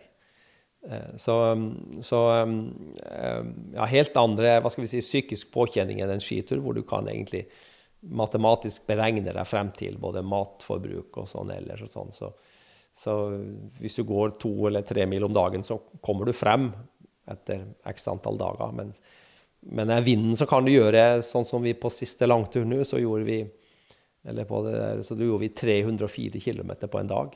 Mm. Og så hadde vi fem dager hvor vi gjorde ingenting. Eh, Så, så det, det, det er jo krevende på en annen måte, men, men dog eh, eh, spennende og veldig, veldig morsomt. Hvordan var det å komme til Gjøhavn? Ja, det var jo en opplevelse. Um, igjen, så helt at det å reise på tur hvor du kommer til sånne plasser hvor, eh, hvor det bor innfødte og lokale og sånn, så det er jo også en ekstra spiss som jeg har vært fascinert for, enten det er, enten det er um, indianere i, i Alaska, Canada, eller det er inuitter på Grønland og sånn, så, så er det en ekstra dimensjon også. Og Gjøhavn er jo den type by som er prega av um, det moderne Arktis på godt og vondt, og urbefolkninger som sliter med å tilpasse seg vår levemåte og sånn. Um, det kunne vi også laga en hel podkast om. Men, um, men, vi ble etter hvert godt kjent. Um, uh, vi sleit litt med å komme inn på lokalbefolkninga i starten, men det, etter hvert så var det noen som ryktes at det var en olympisk medaljør i, i byen. og da da åpna det ganske mange dører seg. og vi fikk være med en, en lokal eh, mann på seljakt. Og, og lære litt om den kulturen som da han var snart en alene igjen til å ta videre. Mens hans barn og barnebarn satt på, på kooperativet og spiste chicken nuggets. Så sto han og venta på selen ute ved hullet, og vi fikk være med han ut. Og sto der og venta i musestille i, i, time etter time for den selen som da skulle dukke opp av hullet, og så skulle han ta den. Så han, han gjorde det ikke for maten sin del, som han sa, men han gjorde det for å, for å holde gamle tradisjoner i like. Det var Erlend. Han var født i en iglo ved munninga av Back River. Det var en, en stor opplevelse. Ja, ja og det, det, er jo en sånn fantastisk opplevelse i Nord-Canada, spesielt med de inuittsamfunnene du, du, kommer til der. At det er jo ofte noen som fortsatt uh, holder tradisjonene i hevd. Ja, og som er veldig stolt av mm. både sin egen kultur og sine egne fangstmetoder. og sånn. Så det er jo en, nok en viss sånn oppvåkning der òg, om at man må passe på å holde disse her gamle tradisjonene ved like. Mm. Og, og, um, det interessante i Gjøavann er at jo, eh, vi har jo en ganske stor Amundsen-samling fra Gjøhavn her på universitetet her, som de har tatt en del tilbake til. og de har vært med og hjulpet dem å bygge opp et nytt museum, egentlig, basert på ting som Amundsen samla i hop der når han seilte Nordvestpassasjen sånn, og, og lå, lå, fast der i to vintre. Så, så, det er jo litt interessant. Ja, og der var det vel en finnmarking som var en av de mest uh, iherdige innsamlerne, Adolf Lindstrøm. Ja. Polarkokken. Ja. ja. Stemmer det. Mm. Så finnmarkinger er det overalt? Ja da. Vi har, uh, vi har vært i polare strøk, mange av oss før. Mm. Men Nansen og Amundsen er jo liksom de, de to store kan du si, da, i, i norsk polarhistorie. Men i, i 2018, så eh, sammen med Harald Dag Jøllien og, og Ronny Finsås, kokk og skiseilingsguru, må det vel være lov å kalle den? Jeg tror det er riktig begrep, det, ja. ja. ja. ja. Eh, så satt dere kursen for Grønland. 3000 km på ski, og i fotsporene til en mer ukjent norsk polarhelt. Ja, det var jo et, et stort prosjekt. Vi, har, vi, kalte det jo etter hvert for um, sånn internt for um, um, Eivind Astrups tur til Navy Cliff og verdens lengste hjemvei. Mm -hmm. Ja, først så må jeg jo si at Eivind Astrups skitur i 1892, altså bare fire år etter Nansens snaue 50 mil kryssing av Grønlandsisen, som er kjent for alle, så var jo det her en skitur jeg ikke hadde hørt om på noen som helst måte. Han eh, gikk altså på ski eh, med hunda eh, sammen med Peary. Eh, 2000 km frem og tilbake til Navy Clip, helt på nordøstspissen av Grønland. Eh, er jo et imponerende prosjekt. og, og eh, og flaks, ikke flaks. Eh, moskus som de fant og berga livet og sånne ting. Men, eh, ja, for det er jo noe sånn en, en måte eh, Nansensk ja. Eh, sånn fatalitet eller sånn skjebnetro ja. på det. At du bare mm. du går og går, og du mm. vet at du har ikke nok mat til å komme tilbake, men du satser på at når du kommer ut til kysten helt i nord, så skal du finne mm. provianten du trenger for å komme deg hjem igjen. Ja, an antagelig må det jo være det de, de tenkte på, for det var jo med våre øyne hasardiøst. Men også det at det som var suksesskriteriet der, var jo det som er samme som i dag. Altså det å kunne reise lett og, og få mann. og lett, altså lette sleder. De hadde jo ikke med telt, de, hadde ikke de kasta soveposen underveis. De slakta bikkjer underveis og, kom hjem med et nødskrik, må vi vel si. Men, uh, men um, den prestasjonen der, den eh, er på, er på linje med det ja, Det er noe av det mest uforståelige du, du kan se for deg av, ja, av andre sånne lange typer ting. Altså, det, det, det, det, er langt, og det er kaldt, og det er Men dog må de ha gjort mye riktig, altså. Må gjort, må gjort det. Og var jo da um, det store forbildet for, for, um, for Amundsens, altså Sørpol-ekspedisjonen, nemlig det å reise med bikkjer og, og reise lett. Mm. Og, så, og Astrup da på ski, i motsetning til Peary på truger? Ja, Peary gikk på truger eller satt på sleden, og, og, og, Piri, og Astrup gikk foran på ski antagelig og guida bikkjene. Eh, så, så, nei, altså det, det, det, prosjektet der, å lese de bøkene som både han og Piri skrev etterpå, er jo um, oppkobla med hans livshistorie, som vi um, ja, eh, ble litt fascinert av. Uh, han tok jo som kjent livet sitt veldig tidlig. og, og vi hadde vel kanskje en stund tro på at vi skulle klare å nøste opp eller finne noe mer årsaker til et sånt selvmord. Men det, det er ikke lett så lang tid etterpå. Sånn, sånn. Men eh, prestasjonen hans den står iallfall der fjellstøtt. Det, det, gjør den. Og det, det hadde, var jo historie som jeg hadde lyst til å, å formidle og fortelle til, til, flere. For jeg opplever at det er jo ganske ukjent. Eh, blant mange som går på tur i dag, at det var en nordmann som gjorde en helt enestående prestasjon den gangen.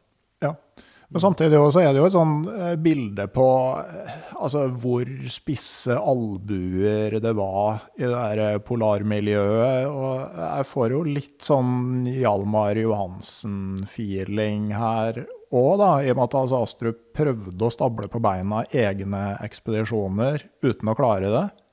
Blei med Peary en runde til antagelig store konflikter på den ekspedisjonen. Og så Altså, det er store menn med store egoer som lager fryktelig mye støy når de braser sammen. Ja, jeg tror nok det er en, en riktig beskrivelse. Jeg tror det. Eh, og det må ha vært en veldig spesiell tid. Det var hvitt land, uoppdaga land, og Nordpolen var jo det store målet for, for mange her. Og, og ja, Astrup starta jo som dekksgutt på vei over dit, og så fikk han være med på skituren. Og så ville selvfølgelig altså han ut på egen hånd og lage egne ekspedisjoner. Og så at, han, at han, hans innsats egentlig på den første turen var jo kanskje avgjørende for suksessen. Så, så det må ha vært en veldig veldig spesiell tid, og som du sier, men med store ego. ja. Ja. ja. Nei, og, og, videre, ikke sant, Peary var jo da i en voldsom stridighet med Cook, som hadde en nær relasjon til Amundsen om eh, hvem som var førstemann på Nordpolen. Cook er vel endelig avfeid, altså han var ikke der. Men mm. eh, man vet vel fortsatt ikke om Peary faktisk nådde Nordpolen? Det, det, tror jeg man er ganske sikker på at man ikke var. Men den, hvor langt unna den var, kan man sikkert eh, definere. Men at Peary tok noen snarveier her eh, Vår lille oppdagelse, som kanskje var veldig spennende, var jo at når, når han kom, kom, hjem derfra, så, så skrev han en bok, og, Piri, og Astrup skrev en bok. og og um, han etablerte den såkalte Piri-kanalen, som, som, da ikke eksisterte, og som senere da førte til at danskene sendte ut ekspedisjon og, og redningsekspedisjon. og i hvert fall to mann døde eh, eh, på veien etter en, på leiting etter en kanal som ikke, som ikke finnes. og sånn. Så, så det, der er, ja, Vi kan holde på lenge med det her, men eh, historie er spennende. Og, og, det som skjedde i den perioden der, var Um, ja, det, jeg syns iallfall sånn historie er veldig spennende. Og særlig når du er der og gjør reiser og sånn. Når vi kom til, til, Navy Cliff, så fant vi vel ut at det har vel kanskje ikke vært noe særlig mer enn fire-fem stykker der siden 1892. Nei. Akkurat på det punktet. Og, og, vi var i kontakt med danske myndigheter som faktisk heller ikke hadde eh, nøyaktig GPS-posisjon på, på klippa. Og, Nei. Og vi var til leirplassen til Knut Rasmussen. Eh, leiren ved Den store steinen var jo et begrep som er beskrevet i dagboken, og kjente malerier av den der steinen og sånn. Men ingen visste hvor den var. Nei. Og vi, vi, vi, vi, er jo ganske sikre på at vi fant steinen. Ja, Det så veldig sånn ut. Ja. Det, det, ligger jo mm. en artikkelserie i Dag og Tid ja. som ligger ute som PDF hos ja. Polarinstituttet. Jeg kan prøve å legge ut link til det via podkastens sosiale medier. Men der ble jo Knut Rasmussen liggende med et voldsomt ischias-anfall i tre uker. Ja. Mens mm. en inuitt og hans mm. ekspedisjonsmakker drar ut til Navy Cliff, og så tilbake og drar med Rasmussen opp på isen og frakter den tilbake. Ja. ja. vi visste jo omtrent hvor denne steinen skulle være, eh, men vi, vi, var jo ikke helt sikre. Og vi gikk altså og lette etter en stor stein i et ganske stort område, viltland, som danskene har kalt det. Blant moskus og, og polarharer og ryper. og Flott, fantastisk område. og vi og vi fant en stor stein og var, at, var ganske sikre på at det var riktig. Men så begynner vi å gå videre neste dag, og så, og så ser vi en ny stor stein. Og så ser vi at plutselig at den første var feil. Altså. Men vi, vi, vi, fant ingen etterlatenskaper der. Vi fant noen sånne, sånne steiner stabla i en ring som vi tror ikke er gjort av noen menneskegenere. Men alt stemmer med andre beskrivelser, både i tekst og også Og så tror jeg vi er ganske sikre på at vi også fant eh, stedet hvor, hvor, Piri og Astrup skjøt seks moskusokser. For eh, de hadde jo dårlig fotografi, men du ser på landskapskonturene at det var ved munnen av en ganske skarp dal, og det stemmer veldig nøyaktig med mine bilder. Altså, når du gjør sånne oppdagelser, så, så er det, det gjør turopplevelsen ekstra, ekstra spennende. Mm. Og så var dere jo, etter at oppdagelsene var gjort, så var dere jo ganske langt hjemmefra. For da gikk det jo ikke an å gå tilbake til eh, nordvest-Grønland, der dere starta fra, for det blir mot vinden. Riktig. Det er jo slik at uh, vinden stort sett på Grønland blåser nord-vestover på vestkysten av Grønland og, og sør-østover på østkysten. Så, eh, og det kan vi utnytte til å kite. Så, så vi, det raskeste vei hjem derfra, og for så vidt også billigste, er jo da til å finne nærmeste flyplass, som da er, er tassilakk på, på, østkysten. Så vi, vi, vi, valgte da å følge kvote 2500-600 meter over havet, altså nesten litt høyere for kjølen på Grønland. Så fulgte vi den da ca. 2000 km rett sørover. Mm. det var jo for mitt vedkommende også det som var det mest spennende, egentlig, og, og hvor jeg var usikker. Både på om det var vind eller ikke, om vi hadde nok mat. Uh, vi kunne jo fått, fått ei uke med stille vær. Da hadde vi sittet der, for vi var jo altfor tungt lasta. Og så var det som du sier, at vi var jo egentlig utenfor redningsrekkevidde. Eh, så det betyr at uhell ikke kan skje. Eh, jeg har lest bøkene til to dansker som var der oppe for eh, ja, 2013, tror jeg, noe sånt. Hvor de fikk en blindtarm og måtte til slutt reddes ut med helikopter og etterfueling fra Longyearbyen. Etter at en tvinnotter hadde havarert for å få dem ut. og sånn. Så var, du er egentlig utenfor der du kan regne med å få hjelp hvis noe skulle skje. Så det er klart, det gjør um, opplevelsen ekstra spennende og ekstra uh, Du må være nøye med forberedelsene og nøye med at du ikke Det er ikke opp i et sånt område du, du, tar risiko med. Da velger du en liten kite og lav hastighet og, og, og kjører pent og pyntelig og sånn, og, og bruker heller litt tid og tenker deg godt om før du. Så, det, så det, det, det, var Men helt at prosjektet der var jo Altså 3000 km er langt.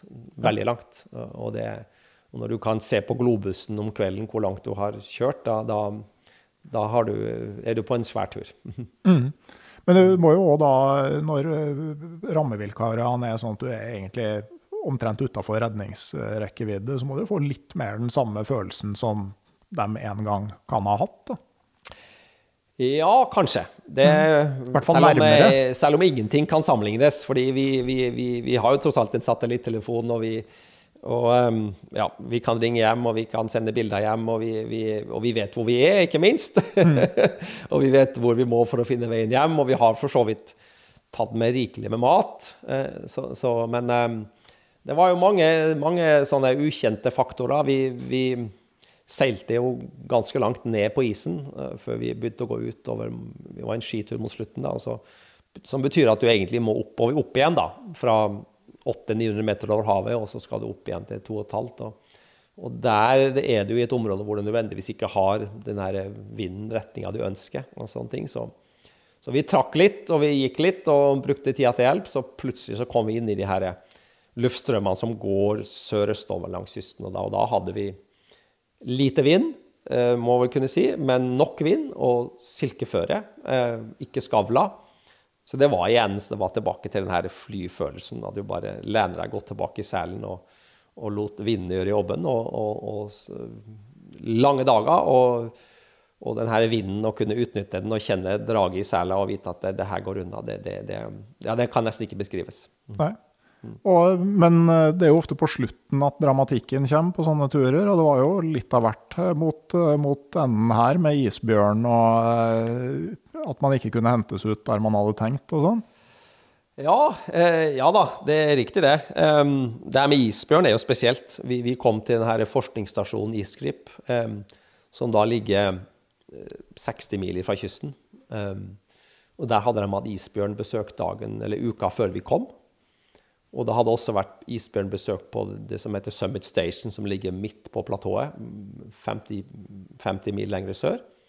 Eh, da begynte vi å sette opp isbjørnalarm.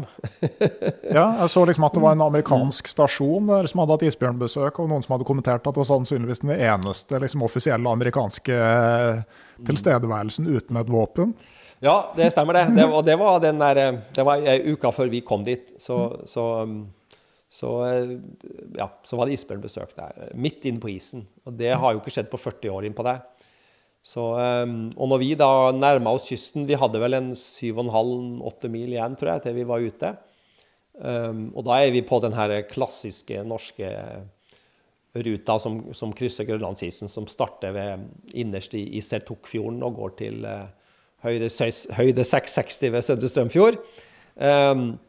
Eller Kangersloswak, som det heter mm -hmm. på grønlandsk. Um, og vi valgte jo den ruta ned, for da hadde vi kjente GPS-punkt. og visste, det, Vi var jo da kommet langt ut i juli, så det var jo fare for sprekker og sånne ting. Så vi, men vi gikk på faste GPS-punktene der. Og da vi hadde åtte mil igjen til kanten her, så, så ser vi først spor. Um, og bare, det var bare fem minutter siden vi hadde lagt ned teltet. Og ganske store, ferske isbjørnspor satt dagen før. Og, og, så seiler vi ti minutter til, og der seiler vi rett på Bamsen.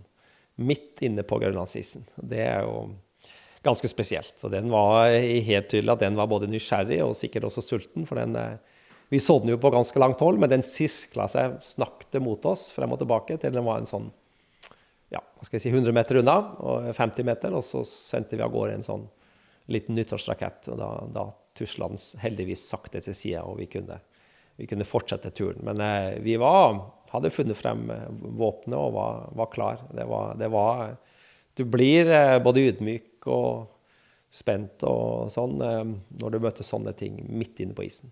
Mm. Mm. Og så var du tilbake på Grønland nå i vår? Ja. Nytt prosjekt eh, som egentlig hadde en lang fødsel. Vi, vi var jo, da vi dro sørover, så så var vi oppe på isen, og den er jo ganske lik, enten du er hvor du er. Det, det er som, eh, som Altså, teltplassene er ganske like fra dag til dag. Mm. Eh, mens det spennende på Grønland er jo det som er på kysten. Der er det store fjell og, og veldig lite besøkt område. Altså, den opprinnelige planen var vel egentlig å starte helt i, i nordøst, dvs. Si på det som heter Stasjon Nord. altså helt på nordøstspissen, og så følge kystlinja nedover. da. Eh, også det da langt, veldig langt, til nærmeste flyplass. Et par tusen kilometer, det òg. Eh, etter mye om og men, og med, ved hjelp av dagbøker fra Sirius-patruljen og værstatistikker, sånn, så fant at der er ikke vind.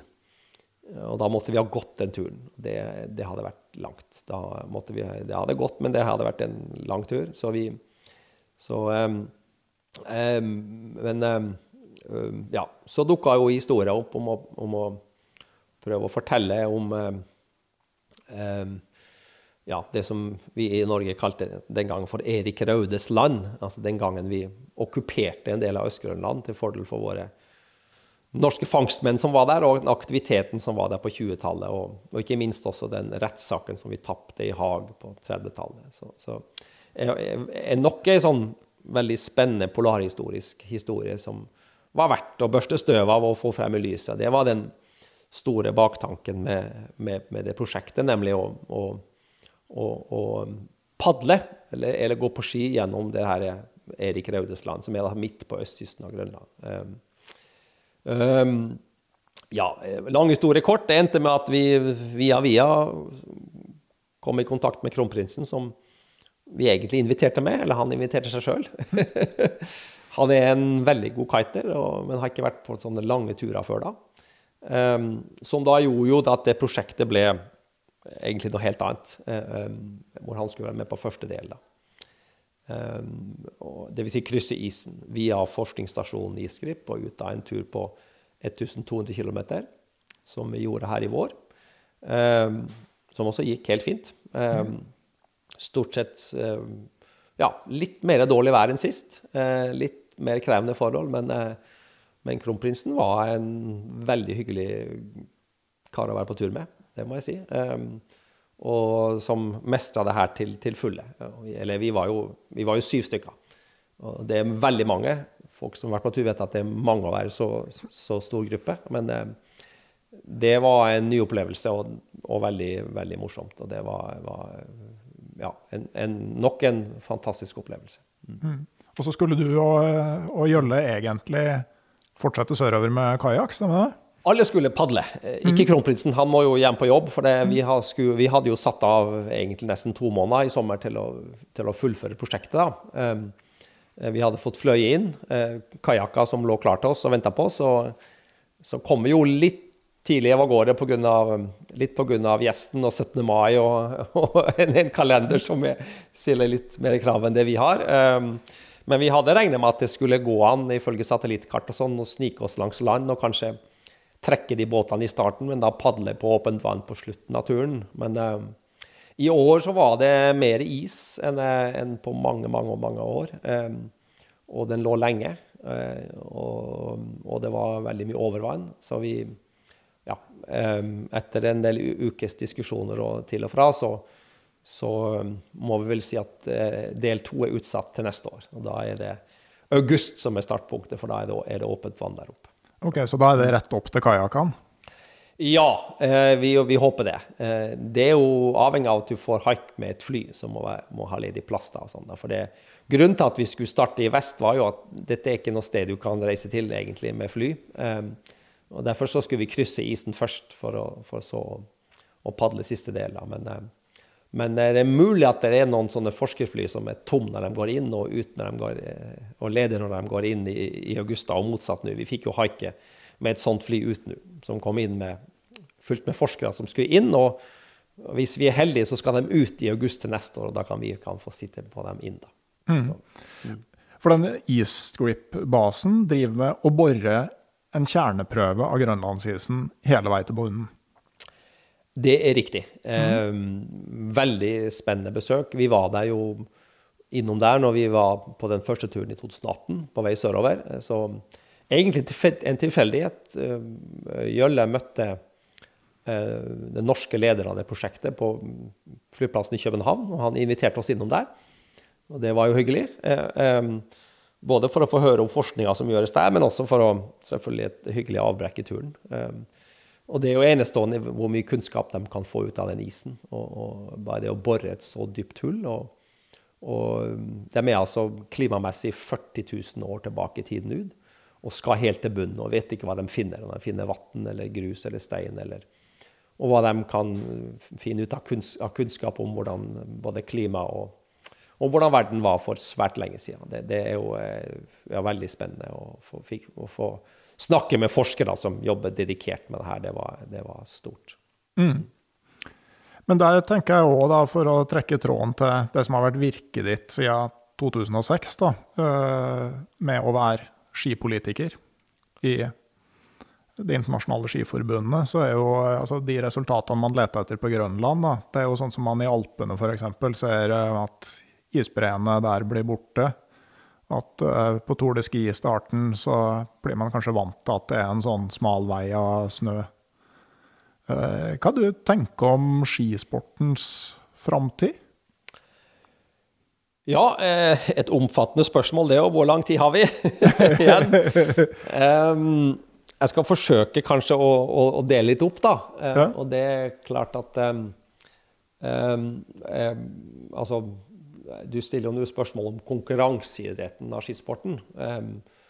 den Eller jeg er jo alltid optimist. Og, og all delen av skisporten, både den som, jeg, som jeg kaller for konkurransedelen, men også tur- og rekreasjonsdelen, som vi er så kjent for i Norge, og kanskje litt unik for i Norge, det å gå på ski på søndag på tur, den vil jo overleve, tror jeg, men i en annen form. Altså, folk vil ikke kanskje overalt i Norge gå på ski i hverdagen, men jeg vil oppsøke sneen i fjellet i helga, tror jeg.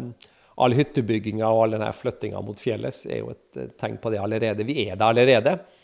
Og det samme kan du si om konkurranseidretten og sånn. Så vil det sikkert bli færre som konkurrerer, men du trenger egentlig ikke så mange. Du trenger duell mellom noen nasjoner og noen få utøvere, og så vil det være spennende å formidle det her i et TV-bilde. Eh, så det jeg, jeg tror alt det her vil overleve, men at det vil, at det vil eh, være i en annen form enn det er i dag. Det tror jeg vi må være forberedt på. Og så er det jo selvfølgelig en masse paradokser med det her nå. Vi ser jo nå Vi er jo spent på hvor mange kunstnerløyper det blir til vinteren. Altså her på Østlandet eller de store deler av Norge nå, så er jo konkurranselangrenn helt avhengig av sneproduksjon. Og snøproduksjon det krever strøm, å, og den er dyr nå. og det spørs hvem som skal betale den strømregninga for at vi skal kunne gå på ski her i Oslo f.eks., som vi har vært de siste ti åra helt avhengig av. Eh, og det, det, er jo det er mange paradokser her, eh, som det er med mye annet. også i hvordan vi lever og ter oss, og hvordan vi forvalter naturen og sånn. Så, så men, eh, men eh, skisporten vil overleve, men i en annen form enn i dag. Både konkurransedelen og turdelen tror jeg er det korte svaret jeg kan gi på spørsmålet ditt. Mm. Men jeg tenker jo gjennom den jobben du har gjort der, som slår meg altså, Hvordan er det liksom, når du står der og skal ta avgjørelsene, du skal bestemme, du skal være den som skal forandre Eh, og uansett hva du gjør i en sånn jobb, altså, så, så, sitter jo kritikken løst. Altså, hvordan er det å stå i det der over tid? Du blir jo litt hardhuda, og så er du jo klar over det at um, alle endringer er smertefulle. Uh, og, og, så er det jo slik at uh, alle vil gjerne ha den konkurranseformen særlig, da, som passer en sjøl best. Så, så uh, men jeg har jo stått i det her og er ganske hardhuda. Og er vel ikke den som er, er, er jo så gammel at jeg er utenfor de her eh, sosiale mediene. Eh, som jeg sier at jeg brukte mesteparten av livet mitt egentlig når jeg var aktiv på å gjøre meg utilgjengelig. Og har vel egentlig fortsatt med det, da. Eh, og har eh, Hvorvidt det er smart eller ikke, er jeg ikke så sikker på, men, eh, men jeg har nå aldri kommet meg på den her sosiale medier. Og da leser jeg selvfølgelig heller ikke alle kommentarene som måtte legges ut på meg. Men jeg får dem gjenfortalt av mine barn. Så det, det er jo friske saker av og til. Det er det. Men jeg, eh, jeg tar det jo litt med ro, for det, det er klart at um, um,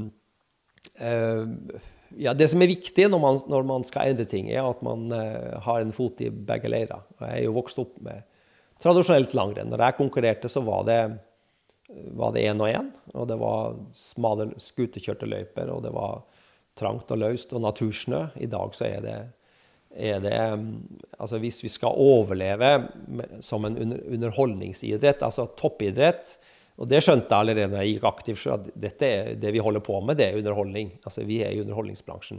Vi skaper langrenn på toppnivå, og skaper underholdning eh, hver helg eh, hele vinteren. Eh, og det er det folk som som liker å se på, og, det må vi fortsette med. Og da må vi av og til spørre publikum, altså Pianisten må spørre publikum hva er det du liker å høre på, og hva er det som er morsomt å se på. Der får du jo svar ettersom hvem du spør. Spør du en tysker, så vil han se på små runder i, i fellesstart. Og spør du en nordmenn på min, på min, alder og eldre, så vil han gjerne ha den gammeldagse, lange og kjedelige intervallstarten med produsert slik som NRK har gjort det i, siden 60-tallet. Sånn. Så så, ehm, så, jeg sier at det er viktig å, å, prøve å ri to hester så lenge som mulig her, og prøve å bibeholde noe av det som den eldre generasjonen føler er langrenns egenart og natur, og, og, samtidig ehm, en moderne verden hvor ting går litt kjappere, og hvor, ehm, hvor det skal være litt mer knuffing og litt tettere dueller og sånn. og det er jo, for å være helt ærlig, syns jeg vi har klart den balansegangen veldig godt. det var evalueringa? Ja. Ja. Men uh, rett bak deg på veggen her så står det et løypeskilt hvor det står Holmenkollens 50 km, to mm. ganger 25 km. Ja, den eh, fikk jeg i uh, 50-årsgave av eh, Gudmund Skjeldal, som har vært og rappa den inni her. som er en av mine hardeste motstandere, og, eller um, utfordrere med, med, hvordan vi skal være. Og, og um, Family Collen er jo noe som jeg gjerne så at man bibeholdt som et kulturminne. Altså, når verden endrer seg, så må man passe på at noe av det gamle bibeholdes. Og, og sånn. Det er derfor vi har museum, annet. Altså vi, mm. vi, må ta vare på noe av det gamle, og så må man la mesteparten av det endre seg. Og femmila eh, i Kollen er jo en, et klenodium og en, og en, del av vår felles kulturarv som eh, er viktig å ta vare på. Gjerne i moderne innpakning, men, men, eh, men eh, den kunne gjerne leve videre, syns jeg, i en annen form enn den er i dag. og sånn. Men, eh, men, her er det også mange meninger og interesser. Det er klart. Men akkurat ja. personlig òg, så tenker jeg at uh, i hvert fall i mange år så var femmil fellesstart egentlig ganske kjedelig. I hvert fall til folk begynte å tørre å gå for egne sjanser. Ja da, det jeg har ikke vært redd for det, det, Folk sier det er kjedelig, men folk sitter jo også i seks timer og ser på Tour de France og syns det her er spennende. Ja. Og, det, og, vi er litt der, vi òg. Det, det, kommer litt an på Det er ingen tyskere som syns det her er kjedelig. for den, Det skjer noe hele tida, og det, det, er en annen måte å se det på. Og så er det at kanskje intervallstartens viktigste eller største hemsko er jo at det å produsere den for et TV-publikum er vanskelig. Mm. Du trenger, et, du trenger, et, publikum som virkelig forstår sporten? Ja, du trenger et publikum som har tid til å sitte og gjerne notere tider og følge med og være virkelig dedikert. Altså det, det er nerdenes, eller dem som er, følger veldig tett, som syns det her er spennende og, og riktig. Og så er, er, er det, jo komplisert TV-messig å produsere det. og du trenger et såkalt eh, NRK, SVT og Yle har utvikla noe som kalles for sitt spotter-system hvor du faktisk må ha, du må ha et tidtagerpunkt før du kommer til det punktet på TV, og så må du ha en mann som passer på det punktet, og som igjen forteller han som velger bilder av hvilket kamera du skal velge. Så, så det, og det her er noe som vi har prøvd å lære mellomeuropeere i hele min 20-årige periode her, og det går ikke. Nei. Det har vi vel gitt opp. Det, så, så, um, så, det er en annen måte å formidle sport på, som ikke vi, der vi er, må bare innrømme at vi er forskjellige, og vi syns noen syns det ene er morsomt, og noen andre syns det andre er morsomt. Og Der må vi prøve å, å balansere og ri to hester. Mm. Tror du vi noen gang får se ei Kollen femmil med to ganger 25 km intervallstart? Ja? Vi har jo for så vidt vedtatt det, at det skal skje. Eh, at det skulle skjedd i vinter, egentlig. Okay. Men så har det vært pandemi, og så har det vært litt utsettelser og sånt. og ja, Nå er jeg gått av, så, så, men, men, eh, vi har vedtatt at det skulle skjedd, egentlig. Men eh, jeg har en mistanke om at den blir litt skjøvet på. Um, og så må du også huske på at den gamle 25 km den, den, er grodd igjen. Altså sånn. Så jo, du må eventuelt finne ei ny løype. Så, så, det å skru tida tilbake er også vanskelig. Men at du kunne gjort den i intervallstart i en, i en litt lengre runde enn du har i dag, og, og laga et spennende TV-produkt ut av det, det er jeg helt sikker på. Og at mange vil synes det var Av de uaktive særlig synes det, var, det var, ville vært veldig interessant og morsomt. Det, det tror jeg nok. Altså, protestene var jo kanskje større. Eh, nå er vi tilbake til VM i 2011, hvor vi egentlig hadde planlagt at det skulle gå intervallstart. Men så, så må vi vel innrømme slik at da var situasjonen med norske utøvere sånn at vi hadde ingen utøvere med de kvalitetene.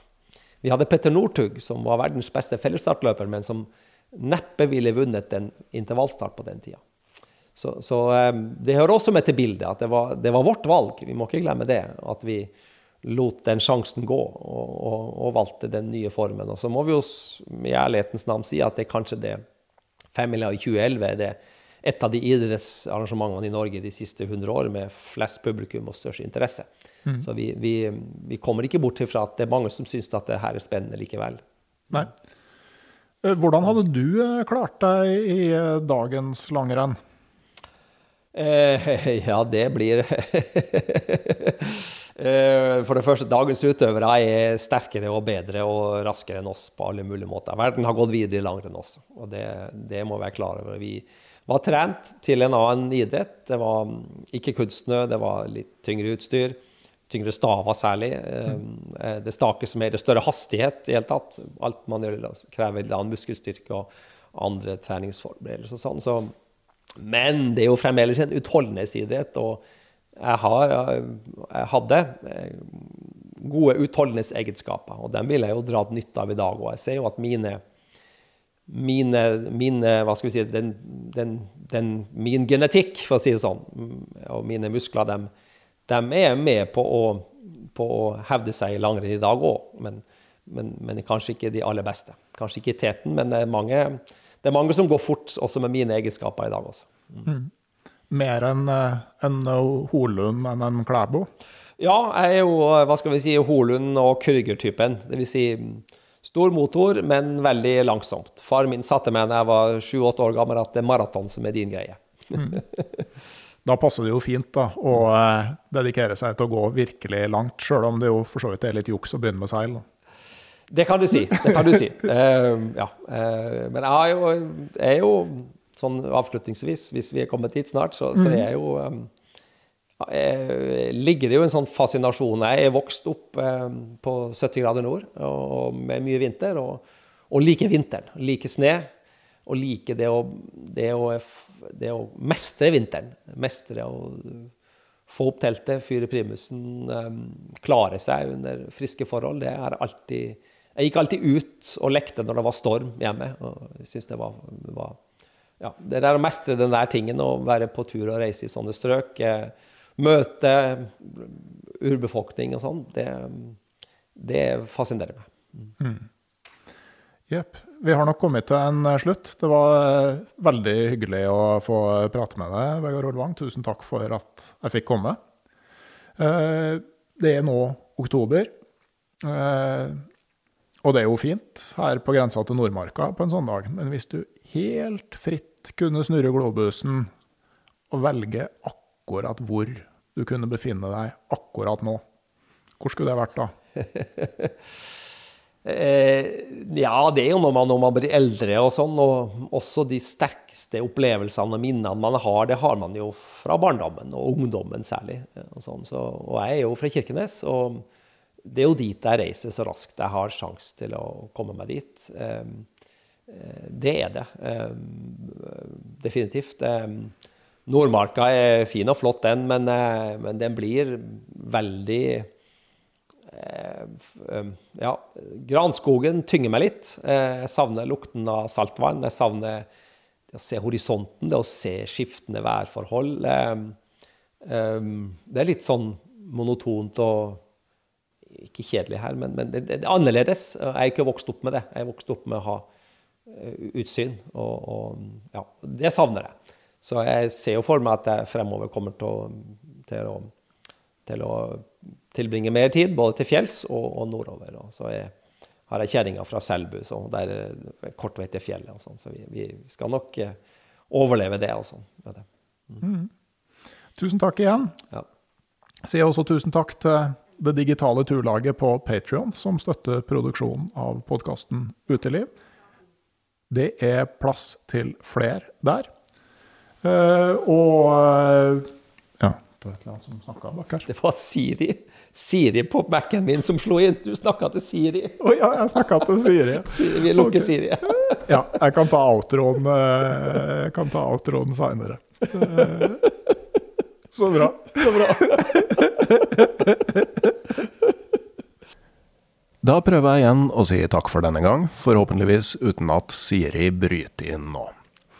Jeg vil som vanlig takke alle dere som er med i det digitale turlaget på Patrion rundt podkasten Uteliv. Dere er viktige for podkasten, og det er plass til flere i gjengen. Som følger på Patrion så får du flere fordeler. For det første så har jeg rydda i kjellerboden min, og 10.12. trekker jeg ut en heldig følger på Patrion som får ett av mine telt. Jeg har ikke helt bestemt meg for hvilket telt det skal bli enda, men følg med på sosiale medier, så finner du det ut. De to øverste medlemsnivåene på Patrion har akkurat nå i november et kjempetilbud på utvalgte bøker og merchandise for podkasten Uteliv i nettbutikken min. Langturkompiser får 25% rabatt, mens ekspedisjonsmakere får halv pris på de her utvalgte varene. Jeg nevner òg etter dagens episode at eh, Bengt Rotmo og min sin bok fra vår tur i Nordvestpassasjen fortsatt er tilgjengelig i nettbutikken min. Den er en av de bøkene du får rabatt på som Patrion. Men merk at jeg veldig snart nå åpner min aller siste pappeske med denne boka for å legge det på plass eh, i lageret, om jeg da skal kalle hylla på gjesterommet vårt for det. Så hvis du vil lese vår historie fra den turen her, så begynner det å bli på tide å ta en tur innom nettbutikken. Er du på Patrion, så får du også eksklusive episoder av podkasten Uteliv, og du får påvirkningsmuligheter på episodetema, gjester og spørsmål. Og de to øverste medlemsnivåene får også tilgang til en stadig større samling av artikler på randulfvalle.no. Syns du at det her virker spennende? Da kan du følge linken i episodeinfo, gå inn på patrion.com, patrion.com, eller laste ned Patrion-appen. Uansett søker du opp podkasten Uteliv før du velger medlemsnivå, og blir med i gjengen. Håper å se så mange som mulig av dere der før neste gang, og i mellomtida sier jeg rett og slett ha det bra.